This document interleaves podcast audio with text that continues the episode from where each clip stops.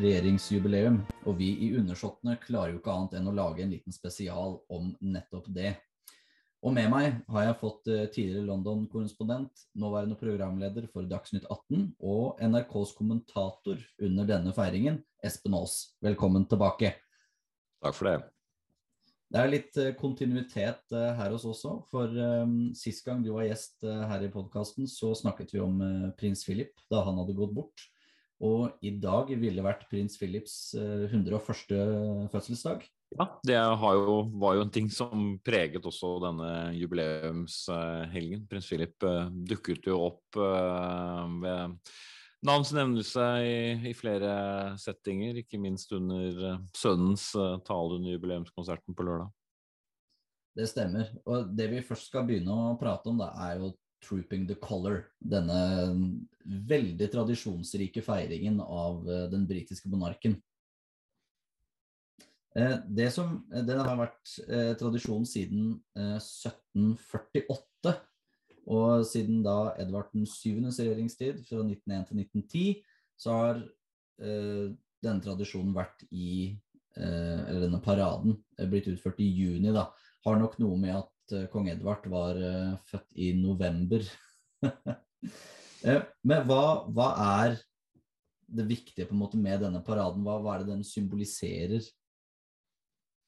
Dette er jo en, eh, hva skal vi si, en, en slags oppvisning i både makt fra, fra, fordums tid, men også en form for samling eh, rundt monarken. Og det var jo en slags genistrek det da, å, å, begynne å innføre en sånn offisiell feiring av monarkens eh, fødselsdag i juni, hvor hvor jo været er uh, stort sett bedre enn på, på, høsten. Dronning Elisabeth fyller jo tidlig på våren uh, egentlig selv, uh, men at man da kan samle det.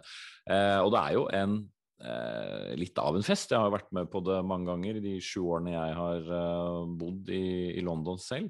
Um, og uh, både den militære, uh, seremonielle delen uh, er jo viktig med både hva skal vi si, den, den militære historien, irske armé.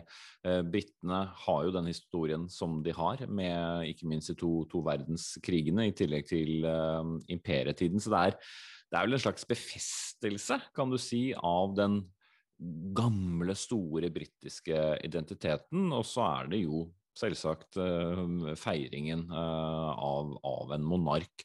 Eh, som dronning Elisabeth er, er, helt unik i, i den kongerekken som, som britene har, med, med, sin høye alder og da nå 70 år på tronen.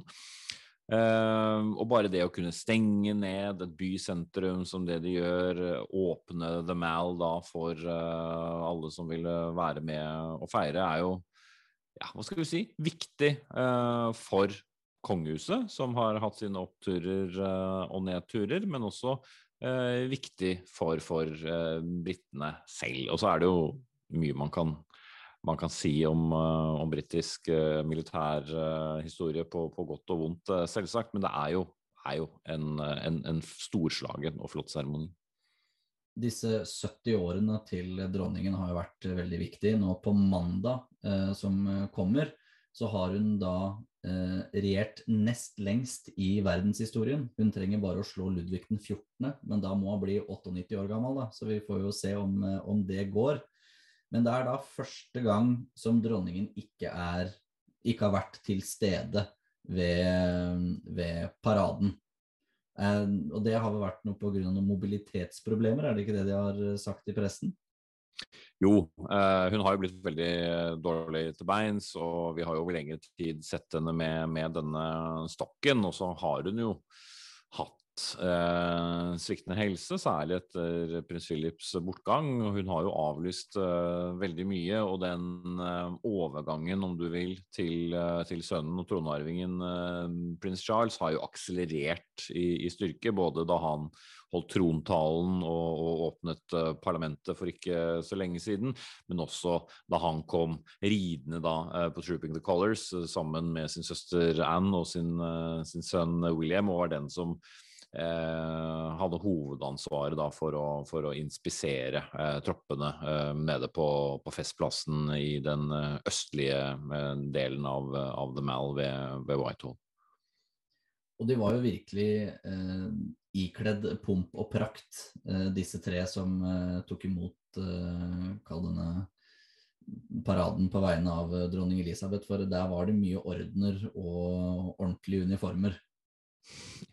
Ja, det er jo vært en liten sånn vits noen ganger da med, med, med de kongelige. Hva har de gjort for å få alle disse medaljene? Eh, men det handler jo at de har fått diverse utnevnelser eh, opp gjennom årene, er høye eh, beskyttere. Um, så den, den, militære karrieren for så vidt både til uh, prins Charles og til dels uh, prins William er jo, er jo relativt uh, kort. man kan vel argumentere med at den skandale omsuste og yngre broren Andrew har jo en, en helt annen militær historie enn f.eks. Prins Charles, men han er nå en gang tronarvingen. Uh, og er jo, blir jo et viktig mm, symbol i årene som kommer, selv om han jo, som vi vet, har rukket å bli pensjonist lenge før han i hele tatt har begynt på den jobben som han er født til å ha. som i seg selv er et, er et slags paradoks. Men jeg må jo si, jeg syns jo Eh, jeg så et slags sånn alvor eh, over eh, prins Charles. Både der han satt til hest med, med, med denne enorme luen på, på, på, Trooping the Colors, men også senere i helgen da han talte til sin mor. Han kjenner nok mer enn noen gang hvordan dette ansvaret hviler på hans skuldre. Og det føler jeg også egentlig at britene har gjort uh, hel, uh, ja, med, med, hele sine hjerter, holdt jeg si. For denne, hvis du sammenligner denne feiringen, jubileumsfeiringen med 60-årsjubileet, så har det ikke fremstått like mye som en sånn gledesfest. Dette er en fest som er mer preget av melankoli og vemod, nesten. Uh, ja, jeg husker ikke helt formuleringen jeg brukte da jeg kommenterte på torsdag, men det var sånn i tillegg til eh, lyden av på en måte hester på, på, på, asfalt og hester på grus, så kunne du på en måte høre hvordan historien eh, er i ferd med å, å endre seg. Eh, og det er jo veldig spesielt når noen, eh, når en monark har sittet 70 90 uh, år på tronen, så er det jo veldig få som husker noen annen monark enn en dronning Elisabeth. Hun har vært der hele livet. Uh, absolutt ikke vært like populær uh, hele veien, som, som vi vet. men nå, på en måte, idet hun går mot det som er, er, slutten, dette er jo starten på slutten for alvor for hennes tid, så merker man jo at det vil være en endring, og det vil nok også bety langt på vei eh, en endring på monarkiets eh, plass eh, i Storbritannia, i hvert fall i en, i en overgangsperiode. Prins Charles har jo vært, og for så vidt er, en mye mer kontroversiell figur enn moren sin, selv om han vil jo ikke være det idet han blir eh, konge, som er etter alt å dømme det som kommer til, til å skje. Og han må jo være en helt annen enn det han har vært som, som prinsen av Wales dronningens alder blir jo gjenspeila litt i resten av kongefamilien også, idet du så de gå ut på balkongen der. Det er, det er en ganske høy gjennomsnittsalder i det britiske kongehuset nå. han, eh, Fetteren hennes, hertugen av Kent, begynner jo også å bli ganske gammel. Han er 86 år gammel. Ja, det var to Det var, det var en sånn sus av uh, fortid uh, da de sto der uh, alene. men også prins Charles er jo ganske lenge siden han ble pensjonist.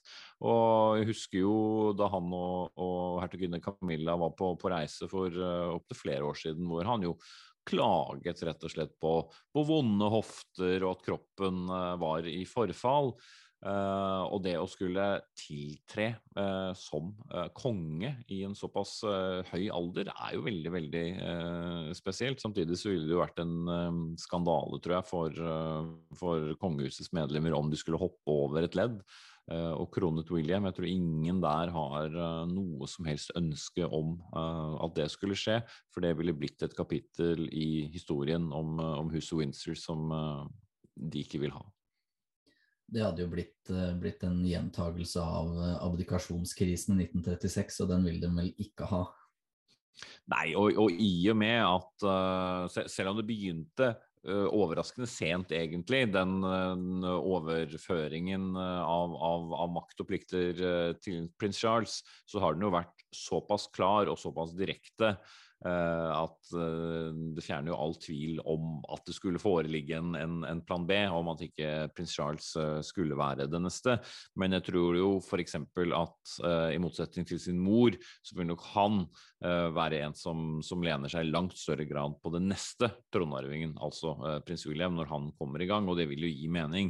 Altså, vi vet jo ikke hvor lang prins Charles' tid på, på tronen kommer til å være. Den kan jo være alt fra 1 til 20-30 30 år, avhengig av eh, hvor gammel han blir. Ja, Med de foreldrene han har og har hatt, så kan det jo se ut til at han kommer til å sitte en stund. I hvert fall selv om han er gammel, da. Ja, ja. Eh, så det kan jo være flere tiår også med en, en, kong Charles. I den grad det er det navnet han velger når han blir konge. Han kan jo velge et helt annet av navnet sine.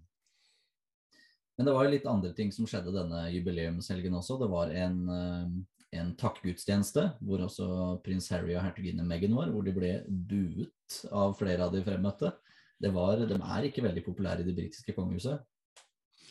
Nei, og det er jo en annen veldig vond ting, tror jeg, også for dronningen. Uh, I tillegg til uh, prins Andrew og, og skandalen smart uh, rundt ham.